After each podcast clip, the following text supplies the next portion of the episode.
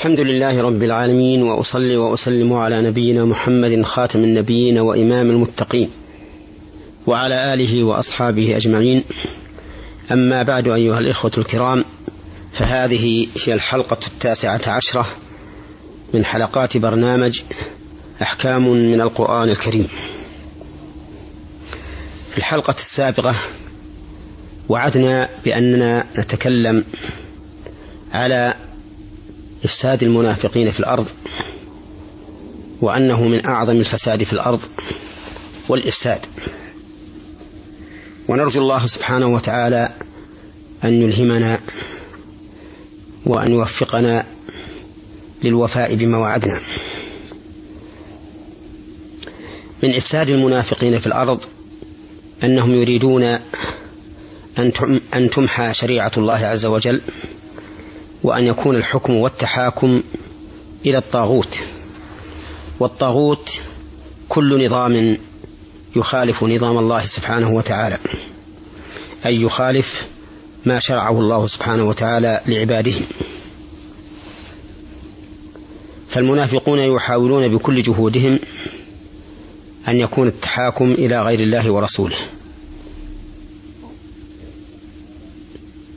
لقول الله تعالى ألم تر إلى الذين يزعمون أنهم آمنوا بما أنزل إليك وما أنزل من قبلك يريدون أن يتحاكموا إلى الطاغوت وقد أمروا أن يكفروا به ويريد الشيطان أن يضلهم ضلالا بعيدا وإذا قيل لهم تعالوا إلى ما أنزل الله وإلى الرسول رأيت المنافقين يصدون عنك صدودا فكيف إذا أصابتهم مصيبة بما قدمت أيديهم ثم جاءوك يحلفون بالله إن أردنا إلا إحسانا وتوفيقا أولئك الذين يعلم الله ما في قلوبهم فأعرض, فأعرض عنهم وعظهم وقل لهم في أنفسهم قولا بليغا. فالمنافقون لا يبقى لا, لا يريدون أن تبقى شريعة الله هي الحكم بين خلقه في أرضه تحت سمائه ولكن يريدون أن يكون التحاكم إلى الطاغوت وهو كل ما خالف شريعة الله مما سنه البشر. ولا شك أن هذا فساد عظيم أعني رجوع الناس إلى غير شريعة الله في التحاكم بينهم. فساد عظيم فيه الفوضى وفيه الظلم وفيه الجور. لأن كل حكم يخالف حكم الله فلا شك أنه جور. فإن الله سبحانه وتعالى هو الذي يحكم بين عباده بالقسط.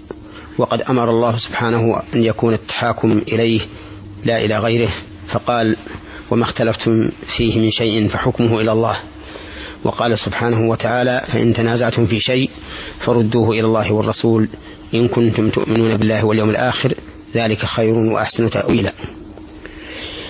ومن إفساد المنافقين في الأرض أنهم يؤذون رسول الله صلى الله عليه وسلم. يؤذونه بكل ما يستطيعون من أذية قولية أو فعلية صريحة أو تلميحية كما قال الله عز وجل ومنهم الذين يؤذون النبي ويقولون هو أذن. قال الله تعالى قل أذن خير لكم يؤمن بالله ويؤمن للمؤمنين ورحمة للذين آمنوا منكم والذين يؤذون رسول الله لهم عذاب أليم. وهم يؤذون رسول الله صلى الله عليه وسلم لا لشخصه لا لأنه محمد بن عبد الله ولكن لما جاء به من الشريعة لأنهم يكرهونها ويرون أن من قام بها فإنه مستحق للأذية أي يؤذى ولكنهم بحمد الله ورحمته وعزته وقدرته ونصرته لنبيه صلى الله عليه وسلم لا يضرون النبي صلى الله عليه وسلم كما قال تعالى لن يضروكم إلا أذى. فهم لا يضرون الرسول صلى الله عليه وسلم بأذيتهم. وإذا علمنا أنهم يؤذون رسول الله صلى الله عليه وسلم من أجل أن يتنازل عن شيء من شريعة الله خوفا من أذيتهم فإننا نعلم كذلك أنهم يؤذون أتباع رسول الله صلى الله عليه وسلم لعلهم يحدون من التمسك بشريعته صلى الله عليه وسلم. وإذا كانوا يؤذون من اتبع رسول الله صلى الله عليه وسلم فإن على المؤمنين المتبعين لرسول الله صلى الله عليه وسلم الصبر على أذيتهم القولية أو الفعلية التصريحية أو التلميحية. وليعلموا أن الله عز وجل جاعل كيدهم في نحورهم. ومن إفساد المنافقين في الأرض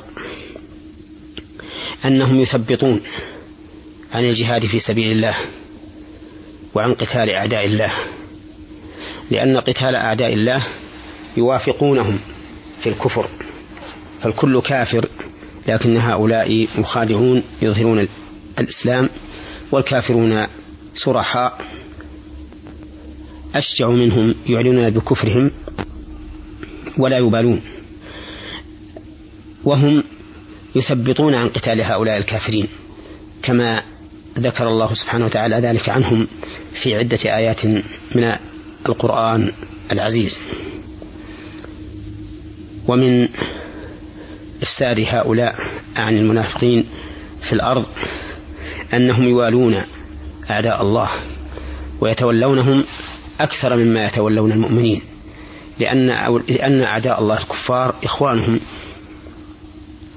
إخوانهم في الكفر إخوانهم الحقيقيون لأنهم متفقون وإياهم على الكفر بالله سبحانه وتعالى. فهم يتولونهم أكثر مما يتولون المؤمنين لأنهم إنما يتولون المؤمنين في الظاهر لا في الباطن. ومن المعلوم أن تولي أن توليهم للكافرين يزيد الكافرين قوة ويزيدهم ثباتا في مجابهة المؤمنين وهذا يتضمن نص الكفر على الإيمان.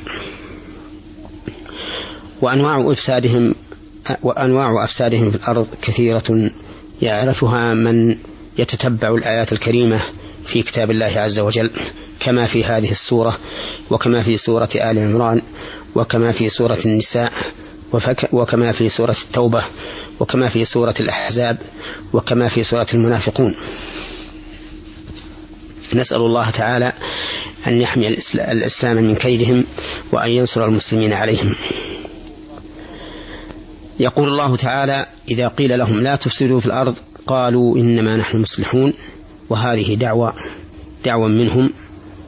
ينظر هل يصدقها الواقع أو لا يصدقها فبين الله عز وجل أنه لا يصدقها الواقع. فيستفاد من هذا أن كل إنسان يدعو إلى باطل فإنما يزعم أنه على حق. كل إنسان يدعو إلى فساد فإنما يزعم أنه يدعو إلى صلاح. فإذا قال قائل بأي شيء يوزن الصلاح والفساد والحق والباطل؟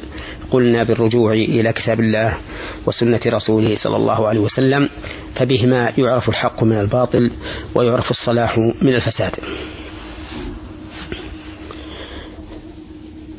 ثم قال الله عز وجل وإذا قيل لهم آمنوا كما آمن الناس قالوا أنؤمن كما آمن السفهاء ألا إنهم هم السفهاء ولكن لا يعلمون. إذا قيل لهم لم يبين الله تعالى القائل وقوله كما آمن الناس المراد بهم المؤمنون رسول الله صلى الله عليه وسلم وأصحابه. قالوا في الجواب على من يدعوهم إلى الإيمان أنؤمن كما آمن السفهاء وهذا الاستفهام للإنكار. يعني لن نؤمن كما آمن السفهاء لأنهم سفهاء وليسوا رشداء أي ليس عندهم رشد بل هم في سفة. قال الله تعالى ألا إنهم هم السفهاء ولكن لا يعلمون. وتأمل الفرق بين قوله هنا ألا إنهم هم السفهاء وقوله في الآية التي قبلها ألا إنهم هم المفسدون ولكن لا يشعرون. هناك نفى الشعور عنهم لأن الإفساد أمر ظاهر معلوم يدرك بالحس والحواس الظاهرة. أما الإيمان فإنه أمر باطن يدرك بالبصيرة الباطنة. ولهذا قال ولكن لا يعلمون فأبطل الله تعالى دعواهم بأن المؤمنين سفهاء وبين أنها أنهم هم السفهاء وحصر السفه فيهم. فقال ألا إنهم هم السفهاء أي لا غيرهم ولكنهم في عمى وضلال لا يعلمون أنهم سفهاء ولهذا استمروا على ما هم عليه من الضلال والعمى. نسأل الله تعالى أن يجعلنا جميعا من أهل البصيرة في دينه والداعين إليه بالحق إنه جواد كريم. والحمد لله رب العالمين وأصلي وأسلم على نبينا محمد وعلى آله وأصحابه ومن تبعهم بإحسان إلى يوم الدين.